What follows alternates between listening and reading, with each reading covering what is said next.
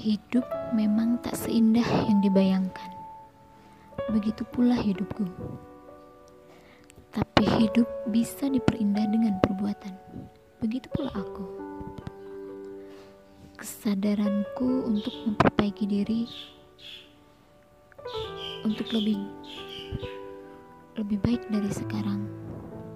Itu karena aku sadar aku tak bisa memaksakan kehendakku. Aku hanya sebuah boneka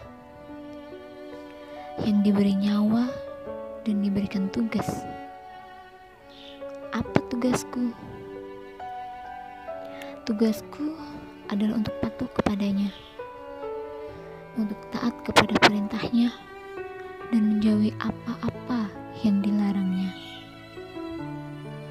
Aku berhak menuntut hanya jika aku benar-benar telah taat padanya tanpa ada lubang.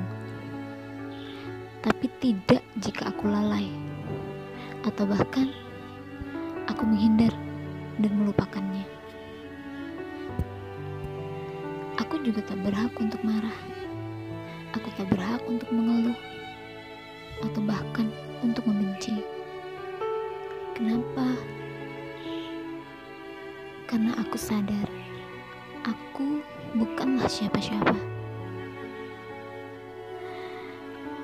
Aku sadar bahwa inilah jalan takdirku yang telah ditulis dan digariskan untukku.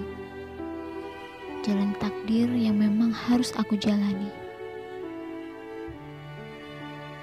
Dan semua akan kembali ke bagaimana aku menghadapi